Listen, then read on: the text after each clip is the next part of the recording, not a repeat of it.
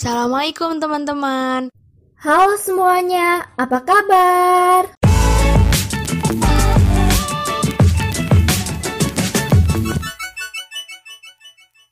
Kembali lagi di SKB Audio Site bersama saya Anissa. Dan saya Wening. Kami berdua duo au au. Eh, Wening, hari ini kita kedatangan tamu spesial loh. Wah, siapa sih? Gimana? Penasaran? Penasaran banget? Apa penasaran aja? Siapa sih Nis? Jadi makin penasaran deh aku. Jadi, beliau ini adalah salah satu dosen UNES yang merupakan alumni UNES. Wah, keren banget. Kembali untuk mengabdi nih ya. Oh iya, kamu udah tahu belum? Kalau beliau juga punya fakta-fakta keren lainnya loh. Wow, apa tuh? Kasih tahu dong. Beliau ini merupakan Presiden Mahasiswa BMKM UNES tahun 2014. Wah, mantap. Beliau juga merupakan Ketua FKIF UNES tahun 2012. Wih, keren. Beliau melanjutkan studi S2 di Fisika UGM loh. Mantap, hebat banget. Menjadi staf ahli DPRD tahun 2016. Uh, mantap. Dan sejak tahun 2019, beliau menjadi dosen IPA terpadu di UNES hingga saat ini. Kok keren banget sih? Siapa sih ya orangnya? Langsung aja yuk kita panggil orangnya. Kayaknya teman-teman yang lainnya juga udah pada kepo nih siapa orangnya. Ya udah yuk, langsung aja daripada tambah penasaran. Langsung aja, beliau adalah Bapak Prasetyo Listiaji. Ye. Selamat sore semuanya. Waalaikumsalam. Sore Pak, Waalaikumsalam. Apa kabarnya Pak Pras? Alhamdulillah sehat. Nah, gimana nih Anissa sama Wening? Sehat juga? Alhamdulillah Pak. Alhamdulillah. Di rumah ini ya berarti ya? Ya. Iya Pak, di rumah. Bapak sekarang posisi di mana Pak? Saya lagi di kampus ya. Karena kan kalau selama pandemi ini dosen itu ada tiket begitu. Ya tiga hari dalam satu pekan. Nah, ini saya datangnya tiket dari Selasa ini. Gitu. Jadi ini di kampus. Agendanya apa aja nih Pak kalau di kampus? Ya kalau di kampus lebih ke persiapan kuliah semester depan sih, misalkan membuat RPS, ya rencana pembelajaran, terus media pembelajaran kayak video-video gitu kan. Jadi kalau kalau daring itu kan kita harus nyiapin ya, dosen itu harus nyiapin media pembelajaran yang kira-kira tidak memberatkan mahasiswa. Kalau setiap hari pakai Zoom gini kan kuota mahasiswa kan tekor gitu ya. Kasihan. Jadi kita siapin video-video pembelajaran gitu ya. Kita nyiapin itu terus nyiapin bahan ajar juga. Terus ini juga saya ditugasi untuk bikin jadwal ya. Jadwal semester gasal, pan begitu. Terus kemarin juga nyiapin anak-anak IPA yang mau credit transfer ya, kuliah di Kasarsat University Thailand. Jadi walaupun kuliahnya daring karena pandemi jadi kuliah daring tapi mereka merasakan atmosfer akademik di Thailand. Ya, kita, karena mahasiswanya di rumah jadi yang ngurusi syarat-syaratnya kan ya harus dosen gitu untuk agar bisa segera mengikuti kuliah di sana. Tuh mungkin. Ya, itu kegiatannya itu sih paling kalau di kampus. Ya setiap hari ada kegiatan lah. Oh iya, Bapak kan anak UNES nih ya Pak, alumni UNES ya Pak. Dulu jurusan apa ya Pak? Saya jurusan fisika, ya. MIPA, Fakultas MIPA. Fakultasnya Anissa nih. Iya dong. Oh, Anissa juga Nah, iya, MIPA ya. Jurusan apa Anissa? di fisika prodinya pendidikan fisika Pak. Oh, pendidikan fisika. Saya juga pendidikan fisika. Sama berarti ya. Iya Pak. Pusing nggak kuliah di pendidikan fisika? Alhamdulillah masih bertahan. Oh, masih bertahan. Iya. Semoga bertahan sampai lulus bisa lanjut studi juga. Amin. Amin. Bisa dong Pak ceritain gimana sih sejarah singkatnya awal karir Bapak di UNES sebagai mahasiswa hingga sekarang menjadi dosen Pak? Kayaknya seru deh. Oh, karir gitu ya. Kalau saya sih menyebutnya jangan karir lah, terlalu serius gitu. Ini aja. Apa dong Pak? uh, kalau karir itu kan ya serius uh, nanti naik naik gitu kan jabatan dan sebagainya. Kayak gitu. Kalau saya cenderungnya lebih ke pengalaman aja gitu ya. Iya siap siap. Pengalaman. Ya jadi saya masuk kan 2010 masuk UNES yeah. 2010 nah, awalnya saya tidak uh, masuk UNES itu tidak menjadi pilihan saya yang pertama ya yang pertama di mana Pak? Kalau boleh tahu Pak? Nah, jadi saya itu memang ingin uh, masuk di jurusan kedokteran. jurusan kedokteran, jadi dokter begitu ya. Saya tuh daftar kedokteran itu ke kalau nggak salah itu enam kampus ya, enam kampus Undip, UGM, UI, UNS, terus Unsud, kemudian UIN Syarif Hidayatullah. Tapi dari ke enam itu tidak ada yang lolos takdirnya tidak lolos begitu. Nah kemudian selek saya tuh dulu ya ya lumayan saya kalau di dari segi peringkat di kampus itu ya lum eh di sekolah itu lumayan lah. Maksudnya bisa masuk paralel 10 besar bisa lah. Biasanya peringkat 5 peringkat 7 gitu. Tapi nggak bisa peringkat satu. Ya kalau di kelas ya peringkat 2 peringkat 3 jadi ya saya merasa bisa masuk kedokteran gitu. Cuma ya ternyata takdirnya nggak di ke situ takdirnya nggak ke situ. Nah jadi saya sempat agak agak down juga gitu. Teman-teman saya sudah diterima gitu kan. Saya belum diterima sendiri karena saya seleksi-seleksi itu kan kedokteran terus gitu, jadi nggak lolos. Nah, kemudian saya seleksi terakhir itu ada jalur namanya SPMB Nusantara. Itu jalur hanya dibuka ke 8, universitas termasuk UNES. Nah, saya daftarnya itu pendidikan fisika. Pendidikan fisika, alhamdulillah lolos, lolos. Karena sebenarnya kalau fisika saya suka fisika. Fisika, nilai fisika di SMA juga bagus lah, tidak kalah sama biologi. Nah, cuma ya karena memang pengennya jadi dokter tadi. Kemudian lolos. Nah, kemudian terakhir di jalur terakhir itu namanya SBMPT SBMPTN SNMPTN. SNMPTN itu dulu jalur terakhir yang yang itu yang murah paling murah begitu. Itu saya daftar kedokteran UNS gitu. Pilihan pertama. Pilihan kedua pendidikan fisika UNES. Saya diterima lagi untuk kedua kali di pendidikan fisika UNES gitu. Berarti kan memang takdirnya saya di situ. Akhirnya saya masuk UNES itu. Nah, cerita saya masuk UNES itu saya uh, awalnya memang tidak punya niat untuk aktif organisasi. Organisasi yang sifatnya sosial politik itu belum tidak punya niat ya. Karena memang saya di SMA itu sudah sering ikut osis begitu ikut PMR ikut ya organisasi banyak lah begitu. Ikut SKI juga rohis begitu. Jadi saya tidak punya niatan untuk masuk organisasi yang sifatnya sosial politik seperti BEM itu enggak enggak gitu ya. Kemudian saya uh, semester satu ya biasa ikut makrab gitu. Teman-teman semua pernah ikut makrab ya? Makrab ikut orientasi jurusan begitu ya. Kemudian saya uh, apa? Ikut hima. Awal semester 2 itu ikut hima sama ikut FI begitu. FI ikut hima. Kemudian setelah ikut hima itu saya jadi ketua ospek jurusan. Ospek jurusan itu apa? Kalau di fisika namanya viskositas ya? Iya ya Nisa ya? Iya pak. Betul. Nah, saya dulu ketua viskositas. Biasa kebayang ya kalau ketua viskositas itu kan dikenal maba ya? Iya nggak sih? Iya.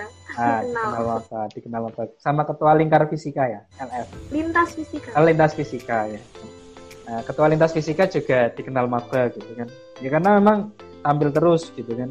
Nah terus saya diduk dimin uh, kemudian semester 4 itu saya diminta oleh uh, teman-teman untuk maju di hima hima fisika. Nah kemudian tapi uh, di sisi lain ketua FKIP ketua FKIP sebelum saya Mas Tulus namanya Pak Tulus Bihadi begitu meminta saya untuk jadi ketua FKIP begitu. Ini saya gimana gitu kan bingung. Akhirnya karena karena musyawarah FKIF itu lebih dulu daripada fisika gitu ya. Jadi ya saya jadi ketua FKIF dulu. Jadi kemudian pendaftaran berkas ketua hima itu saya tarik nggak jadi. jadi nyalon ketua himpunan jadi saya jadi ketua aktif itu jadi ketua aktif itu kemudian saya aktifnya selain ketua aktif itu di semester 4 itu saya aktif di DPM FMIPA nah DPM FMIPA diminta oleh ketua DPM FMIPA itu Mbak Betty itu untuk yuk gabung gitu kan ikut rekrutmen gitu saya ikut. Dan di situ saya belajar sosial politik di DPM FMIPA itu. DPM FMIPA kemudian semester 6 itu ada uh, mau semester 6 ya pemira ketua BEM MIPA gubernur BEM MIPA itu saya diminta teman-teman untuk maju. Maju gubernur MIPA tapi saya uh, tidak jadi. Ya tidak jadi ya. Kalah sama Mas Danang namanya dari dari prodi IPA saat itu. Nah, jadi saya ya calon pengembira aja sih. Jadi tidak tidak menang begitu ya. Kemudian uh, mulai semester itu Nah, kemudian saya diminta untuk masuk BMKM, saya ikut pendaftaran BMKM, saya dulu di Kementerian Dalam Negeri, gitu, di kabinetnya Mas Mahmud Kuncahyo ya. Sebelum saya kan masuk Mahmud Kuncahyo, kemudian mau akhir semester 7 ya, mau semester 8 itu saya diminta teman-teman untuk maju di Presiden Mahasiswa. Ya sudah saya maju aja, ya karena ada teman-teman yang dukung ya sudah begitu. Padahal saat itu saya sudah uh, ini sudah konsultasi topik skripsi saya itu semester 7 akhir itu sudah konsultasi topik skripsi sama Pak Hadi tahu Pak Hadi ya? Pak Hadi Santoso. Pak Hadi Sunta, iya. Susanto Pak Hadi Susanto. Oh, sudah pensiun beliau. Pak Hadi Susanto saya sudah itu sudah deal mau jadi pembimbing begitu. Tapi kemudian saya maju presma dan jadi begitu ya adalah jadi gitu. Saya pengennya nggak jadi sebenarnya karena nanti saya nunda lulus kan tapi uh, takdirnya saya jadi begitu sehingga saya tidak melanjutkan skripsi lagi begitu karena memang fokus di BEM. Nah kemudian baru semester 9 itu saya uh, lulus begitu uh, semester 10 saya lulus semester 9 saya baru mengurus skripsi begitu saya maju ke Pak Hadi lagi terus ganti pembimbing juga Pak Sugianto. Pak Adi juga jadi pembimbing kedua masih mau itu walaupun kayak PHP gitu kan. Jadi awalnya ngelobi terus nggak jadi gitu kan lama nggak ketemu. Ya, alhamdulillah ya. Kemudian saya lulus semester 10 ya. kalau saya lihat skripsi saya itu ya tidak lama ya biasa skripsi yang cuma pengembangan media Android ya. Saat itu kan baru hangat-hangatnya Android. Ya tidak lama mengerjakan skripsi itu paling sekitar mungkin kalau mengerjakan penelitiannya mungkin empat bulan saja. Alhamdulillah saya lulus. Nah lulus setelah lulus itu saya diminta untuk uh, karena di BEM di BEM itu kan kita punya maks memaksimalkan jaringan. Kita punya jaringan begitu. Alhamdulillah saya diminta di komisi komisi DPRD Jawa Tengah begitu ya. DPRD Provinsi Jawa Tengah di Komisi E itu untuk bantu di tenaga ahli. Tenaga ahli itu lebih ke konten. Uh, ya ini membahas tentang isu-isu strategis di Komisi E Komisi E itu lebih ke pendidikan pendidikan dan kesejahteraan begitu ya kesehatan pendidikan di sana jadi saya di situ jadi tenaga ahli begitu selama enam bulan sambil saya menyiapkan S2. Dan karena saya memang pengen S2, jadi saya sudah minta izin orang tua untuk S2, sudah saya menyiapkan S2 terutama di bahasa Inggris. Akhirnya saya menyiapkan S2. Nah, saya tuh mendaftar S2 pertama kali itu di Jerman. Jerman di Stuttgart University. Nah, saya TOEFL saya saat itu lim, 507 ya, 507. Walaupun syaratnya 550 sebenarnya kalau keluar negeri, tapi saya paksakan saya setelah tes TOEFL itu saya daftar Jerman dan alhamdulillah tidak diterima. Jadi dari dari tujuh reviewer itu yang meng-ACC saya itu dua atau berapa ya? ya yang yang yang pokoknya sebagian besar tipe menolak saya gitu kan reviewer berkas S2. Saya nggak diterima terus saya daftar UGM itu daftar UGM terus saya diterima di UGM gitu. alhamdulillah ya nah, diterima di UGM kemudian di UGM saya uh, ikut organisasi juga ya dipaksa juga awalnya diminta untuk ikut organisasi saya diminta memilih ya senior senior sih senior saya itu. Ya mungkin karena awalnya ada ada branding Presma gitu. Ya sudah kan jarang ya S2 mau organisasi gitu kan. Kebanyakan kan pengennya pengennya akademik fokus. Ya sudah saya akhirnya ikut himpas itu. Nah, saya ditawari mau ikut HMP apa himpas. HMP itu himpunan bahasa pasca BEM-nya pasca lah. Kalau himpas itu rohis rohisnya pasca. Akhirnya saya saya di rohis saja. Ya, saya semester 2 itu sudah dipilih jadi ketua rohis pasca himpas UGM itu. Sepasca UGM gitu sih. Kemudian saya lulus S2 nah, pas S2 ini ada pengalaman menarik. Jadi saya itu menikah sebelum lulus ya. Menikah sebelum lulus. Dan ketika S2 itu saya alhamdulillah dapat beasiswa ongoing ya. Jadi tidak daftar dulu tapi tidak daftar beasiswa dulu baru sekolah tapi sekolah dulu baru beasiswa dan saya izin sama orang tua untuk menikah gitu kalau dapat saya dapat beasiswa. Jadi saya dapat beasiswa saya menikah. Dan biaya hidup pernik biaya hidup saya dengan istri saya itu pakai uang beasiswa itu. Ya biaya hidup ya living costnya itu ya saya hemat-hemat begitu ya. Di riset saya hemat-hemat untuk untuk apa menikah begitu ya untuk menikah dan biaya hidup. Kemudian lulus lulus saya lulus dan lulus itu saya melamar pekerjaan banyak begitu ya. Saya nyebar lamaran begitu. Saya juga ikut seleksi beberapa kampus belum diterima. Dan kemudian saya dipanggil di Universitas eh Institut Teknologi Telkom Purwokerto. Nah, saya di situ di situ di WA saja di WA sama dosen saya sana. Nggak tahu dapat nomor saya dari mana kan. Saya diminta untuk ngajar ke sana awalnya dosen lepas dosen luar biasa begitu kemudian diangkat jadi dosen tetap. Gitu nah ini uniknya kalau teman-teman aktif di BEM ya. Jadi ketika saya beasiswa S2 itu saya mendapatkan rekomendasi dari dosen. Nah dari dosen itu terutama saat itu saya rekomendasi sama Pak Rektor langsung Pak Rektor langsung. Nah, jadi terima kasih Pak Rektor sudah ngasih rekomendasi saya S2 begitu ya. Nah, itu saya dapat rekomendasi. Jadi setelah lulus saya silaturahim ke Pak Rektor, saya dapat rekomendasi tanda tangan gitu dan sama satunya profesor dari fisika. Itu keunggulan kita punya jaringan ya kalau kita ikut organisasi. Kemudian di Telkom itu saya enam bulan satu semester di sana dan kemudian ada lowongan PNS di UNES gitu. Saya juga di Japri sama Pak Dekan MIPA saat itu. Namanya Prof Darmin. Ada lowongan begitu saya di Japri lewat via Facebook message Facebook Mas Aji manggil saya Mas Aji daftar UNES ya. Kemudian saya mendaftar kemudian alhamdulillah diterima. Dan sampai sekarang saya uh, di UNES begitu. Jadi di dosen IPA terpadu. Begitu ya. Karena memang lowongannya di IPA terpadu bukan di fisika. Kalau tanya kenapa kok nggak di fisika? Itu mungkin ya. Nah, mungkin nggak singkat malah panjang sekali. Maaf. Nggak apa-apa pak. Sekalian pengalaman buat kita sangat uh ya Nuha pengalamannya. Menarik sekali sampai yang sangat menarik.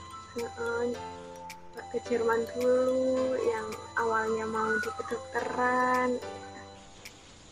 Uh, uh, ngomong-ngomong tentang organisasi dan uh, ya organisasi itu kan awalnya bapak tuh nggak ada keinginan buat ikut terjun di organisasi yang sosial sosial politik seperti itu. Terus akhirnya gue memilih buat masuk uh, ke organisasi-organisasi dimulai dari Hima, FK, lalu selanjutnya itu. Tapi uh, dari uh, sejak kapan sih Bapak tuh mulai kenal apa itu manajemen waktu? Dan gimana cara Bapak tuh kenalnya? Ya, jadi kalau manajemen waktu ya, manajemen waktu sebenarnya setelah tidak sadar itu kita sudah melakukan manajemen waktu dari kecil, dari ya kalau teman-teman teman-teman apa teman-teman mahasiswa itu ketika anak-anak itu kan sebenarnya sudah sudah melaksanakan manajemen waktu. Kapan main kapan nonton TV kapan belajar begitu bahkan kita diminta orang tua untuk belajar dari jam sekian jam sekian itu kan sebenarnya kita sudah belajar manajemen waktu. Cuma kalau tentang terkait dengan teori teori manajemen waktu itu saya baru pelajari itu ketika uh, mahasiswa ketika mahasiswa semester 1 itu kan maba biasanya kan ikut sekolah-sekolah gitu ya sekolah-sekolah organisasi nah itu ada materi manajemen waktu di sana nah, itu secara teoritis begitu tapi sebenarnya secara aplikasi itu dari kita kecil itu sudah sudah terlatih sebenarnya manajemen waktu dan setiap orang itu punya strategi masing-masing terkait dengan bagaimana memanage waktunya. Begitu sih. Jadi ya kalau secara teoritis ya saya dapatnya itu ketika mahasiswa, ketika maba itu dapat dapat teori tentang manajemen waktu. Itu Anissa. Berarti kayak selanjutnya tuh udah uh, otomatis uh, apa ya kayak ter ter ter terselang teradakan di diri eh gimana ya berarti kayak otomatis kita udah ngelakuin itu gitu tanpa apa ya di luar kesadaran gitu ya? Ya sebenarnya waktu kecil kan kita sudah sudah melakukan. Cuma pertanyaannya apakah manajemen uang yang kita kita lakukan itu sudah efektif dan efisien apa belum? Itu kan pertanyaannya. Cuma secara uh, apa namanya aplikasi manajemen waktu itu sebenarnya sudah dilakukan kan. Dari kecil itu kan sudah teman-teman sudah melakukan semua. Cuma pertanyaannya efektif apa efisien itu yang perlu kita kaji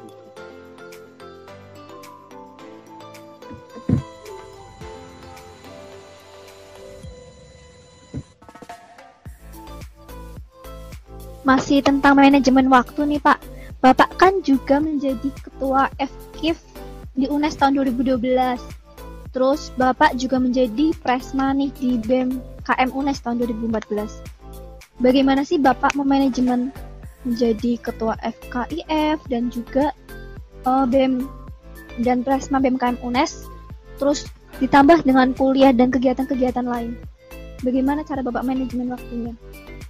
Ya, jadi kalau saya uh, tipsnya begini ya untuk manajemen waktu itu ada tiga tiga tahap dalam manajemen waktu.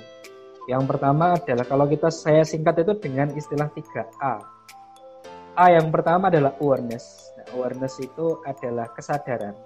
Kesadaran kita itu untuk mengelola waktu, kesadaran kita untuk menilai seberapa besar daya dan sumber daya yang kita miliki untuk uh, mengelola waktu kita. Nah, itu awareness. Kemudian yang kedua adalah arrangement. Arrangement itu adalah bagaimana cara kita untuk mengelola waktu, memanage waktu itu. Membentuk skala prioritas itu di arrangement. Yang ketiga adalah yang ketiga adalah adaptation atau adaptasi. Adaptasi adalah cara kita untuk menyesuaikan diri terhadap perubahan-perubahan lingkungan yang itu nantinya akan mengganggu manajemen waktu kita. Itu kan sering ya? Sering nggak gitu kan? Anissa misalkan atau Wening gitu kan? Misalkan sudah punya manajemen waktu gitu kan? Hari ini saya sekian saya mau melakukan ini. Tapi ternyata mendadak ada panggilan rapat gitu kan? Atau atau mendadak nanti uh, ada teman yang sakit butuh bantuan. Itu seperti apa? Itu kan uh, lebih ke kemampuan adaptasi. Jadi tiga A tadi yang pertama adalah awareness kemudian yang ketiga kedua adalah arrangement yang ketiga adalah adaptation atau adaptasi. Nah, untuk mencapai tiga ini, maka butuh tips atau cara-cara yang digunakan agar ya ini ini ini strategi saya. Boleh tidak boleh tidak ditiru karena setiap orang itu punya cara sendiri untuk memanage itu. ya. Nah, yang pertama adalah saya biasanya itu membuat yang namanya tentukan mana waktu yang fix atau mana waktu yang fleksibel. Artinya kita punya dua kategori. Yang pertama adalah waktu fix dan waktu fleksibel. Waktu fix adalah waktu yang tidak bisa diganggu. Nah, jadi kita punya list waktu yang tidak bisa diganggu. Kalau saya misalkan waktu ibadah itu menurut saya waktu yang fix. Nah, misalkan saya sholat subuh itu jam setengah lima atau jam empat ya misalkan. Kalau sekarang setengah lima ya setengah lima lebih sedikit. Itu waktu yang fix dan tidak bisa diganggu. Maksudnya tidak ada kegiatan lain yang mengganggu waktu itu. Kemudian misalkan sholat duhur, misalkan sekarang saya bekerja begitu ya, waktu duhur adalah waktu jam 12 misalkan sampai jam sekian. Itu waktu fix begitu. Nah, saya tidak mau ketinggalan sholat jamaah misalnya, itu waktu fix. Atau misalkan teman-teman punya waktu fix untuk uh, belajar gitu kan, waktu fix malam hari jam 7 sampai jam 9 itu waktu fix saya belajar. Itu itu setiap orang punya skala sendiri. Mana waktu fix mana waktu yang fleksibel nah kemudian ada waktu fleksibel. Waktu fleksibel itu waktu yang bisa diganggu. Maksudnya yang bisa di yang bisa dirubah-rubah. Misalkan hari ini saya mau membuat video pembelajaran. Dari jam 10 pagi sampai jam 12. Nah, ini waktu yang fleksibel. Maksudnya ketika memang nanti jam 10 sampai jam 12 saya ada rapat, ya sudah, saya pentingkan rapat. Karena itu yang yang yang mendesak begitu. Nanti untuk waktu yang fleksibel tadi yang membuat video pembelajaran nanti kita bisa di malam hari. Misalkan begitu tips yang pertama. Yang kedua adalah tentukan setiap orang, setiap dari diri kita itu punya waktu on masing-masing. Waktu on masing-masing itu adalah waktu di mana kita produktif. Setiap orang itu pasti punya waktu produktif masing-masing. Kalau saya, waktu produktif saya adalah habis subuh. Nah, habis subuh itu saya waktu waktu yang produktif begitu. Ketika saya dulu mahasiswa, saya ngerjain skripsi itu adalah waktu habis subuh. Gitu. Saya merancang uh, mengevaluasi organisasi yang saya saya saya pimpin itu adalah waktu habis subuh. Saya mereview materi-materi kuliah itu adalah waktu habis subuh. Karena menurut saya waktu saya produktif dan saya on dan saya paling refresh itu adalah habis subuh setiap orang punya waktu produktif masing-masing. Misalkan waktu produktifnya jam satu siang. Ya sudah, maksimalkan waktu produktif itu untuk melakukan agenda-agenda yang uh, yang harus segera diselesaikan. Karena waktu produktif itu sangat sangat penting. Ya, belum tentu teman-teman bekerja atau belajar dalam waktu yang tidak produktif itu nanti hasilnya akan efisien dan efektif. Itu itu tips yang kedua. Nah, yang ketiga itu adalah kalau yang saya lakukan adalah saya melakukan yang namanya timer and motion study atau istilah teoritiknya itu adalah mempelajari berapa waktu yang diperlukan untuk pergerakan saya. Nah, jadi misalkan saya kalau sekarang ya saya membuat video pembelajaran. Nah, itu saya butuh waktu berapa lama efektifnya? Oh, saya butuh waktu satu jam. Oke, berarti ke, depannya kalau saya mengalokasikan waktu untuk membuat video pembelajaran maka saya harus mengalokasikan waktu satu jam. Itu itu agar kita tidak meleset begitu. Misalkan dulu misalkan saya ingin membuat laporan praktikum itu saya riset dulu saya teliti dulu saya adakan studi dulu saya membuat laporan praktikum kuliah itu berapa lama? Efektif begitu rata-rata. Oh misalkan saya membuat praktik laporan praktikum kuliah itu 30 menit misalnya ya sudah Berarti untuk ke depannya saya melakukan alokasi waktu membuat laporan praktikum ini 30 menit. Sehingga tidak ada waktu yang terbuang dan tidak ada waktu yang kurang begitu. Karena saya sudah melakukan studi dulu di awal gitu ya. ya jadi itu setidaknya tiga tips itu yang dulu saya lakukan gitu. Tapi kan kadang kita tuh udah bikin jadwal kayak gitu tapi itu tetap mager tetap males. Kayak gitu susah ya pak ya. Harus ada kesadaran itu ya. Nah jadi gini.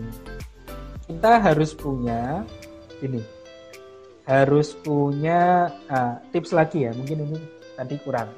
Mungkin kita punya uh, semacam list waktu di mana tenaga kita itu efektif atau tenaga kita itu benar-benar lagi lagi sedang keadaan on. Misalkan begini ya. Misalkan nih Anissa baru belajar tentang fisika gitu ya. Harusnya hari ini itu saya belajar fisika satu jam, ya kan, tentang apa materi gelombang misalnya. Nah, apakah satu jam itu langsung saya gunakan untuk fisika semua? Jadi Anissa itu harus misalkan mengetahui kemampuan saya untuk membaca bukunya gelombang itu berapa menit. Nah, misalkan kemampuan saya itu 7 menit atau 10 menit misalkan. 10 menit. Sudah 10 menit itu ya digunakan untuk membaca gelombang. Nanti kan setelah itu bosen kan? Bosen nggak? Bosen karena setelah bosen, bosen itu setelah bosen itu lakukan aktivitas lain. Nah, misalkan nonton YouTube. Misalkan nonton YouTube misalkan belajar memasak. Kan seneng kan kalau wanita kan seneng masak gitu rata-rata senang masak belajar tips-tips masak itu kan menyegarkan gitu kan atau atau misalkan yang senang tanaman ya sudah belajar tentang budidaya tanaman ya itu untuk refreshing misalkan alokasikan waktu untuk me, me, apa menonton YouTube bisa untuk hiburan misalkan 10 menit nanti belajar fisika lagi kan gitu jadi Nah, jadi alokasinya sebenarnya tidak fix satu jam. Satu jam itu langsung satu jam paket nggak gitu. Itu itu saya rasa kalau untuk generasi-generasi kita, gitu, generasi-generasi milenial itu ya mumet gitu kan, agak boring gitu kan, boring sekali kalau satu jam itu kita belajar fisika gitu kan. Ya yang penting satu fisika itu dipelajari dalam satu jam itu per hari.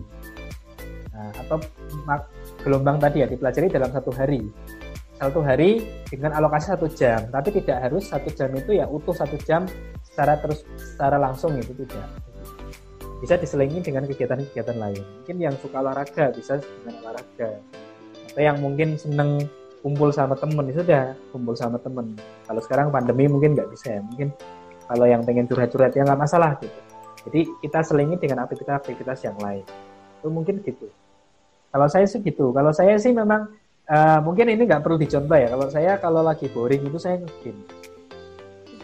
Saya game ya. Tapi saya tuh bukan game online ya. Bukan game online. Saya tidak tidak cocok dengan game online. Saya gamenya itu game-game yang adventure atau petualangan gitu ya.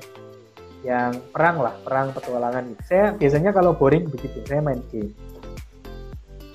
Jadi kayak cari buat pengalihan biar lagi boring gitu, biar uh, jeda gitu ya pak ya nah, di jeda uh, bisa di bisa untuk merefresh gitu kalau kalau saya kalau nggak kalau nggak game itu saya nonton kartun itu itu lebih merefresh saya SpongeBob gitu ya. Naruto gitu. Kalau saya dulu Naruto Naruto SpongeBob itu uh, sedikit merefresh gitu merefresh. Nanti bisa kan ada ya. sekedarnya tapi setelah apa setelah lulus dari UNES gitu kan kan udah nggak belajar kayak gitu. Satu tahun itu tuh uh, apa aja yang bapak lakuin? Maksudnya sebelum mulai lagi untuk melanjutkan S2 gitu satu tahun itu uh, kegiatan apa aja yang sering dilakukan?